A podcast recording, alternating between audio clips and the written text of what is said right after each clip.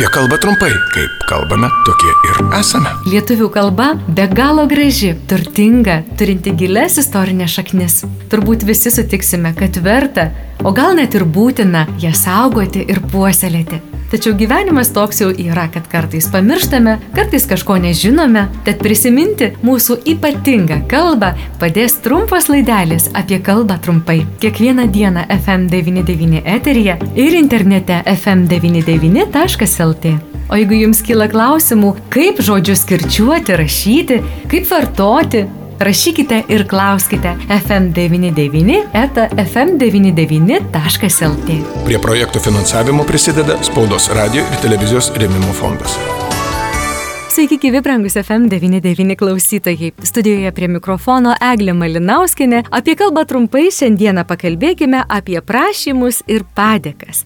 Kaip dėlėtų išsakyti prašymą? Paduok prašau, paduokite prašau, prašau paduoti, Kalbame su kalbininku, docentu daktaru Vidu Valskiu. Mandagumo žodelis prašom žodynuose apibūdinamas e, kaip jaustukas. Ir jo reikšmė yra malonėkite, teikitės. Na, kitaip tariant, kai norime e, ką mandagiai kvies, pakviesti, paprašyti, paraginti, turėtumėm sakyti prašom ir sakome prašom užeiti, prašom sėstis, prašom neįsižeisti ir panašiai.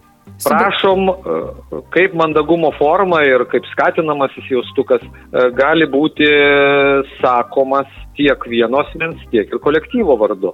Na, pavyzdžiui, prašom dalyvauti posėdėje. Atkreiptinas dėmesys, kad šis jaustukas vartojamas su bendratimi ir žodžių tvarka tokia, kad jis eina prieš ją. Prašom palaukti.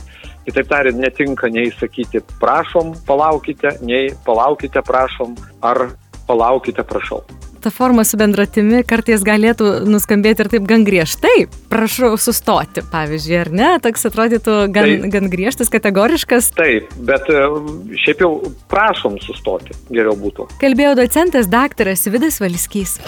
Apie kalbą trumpai, kasdien, kaip kalbame, tokie ir esame. Rubrika remia Spaudos radio ir televizijos rėmimo fondas.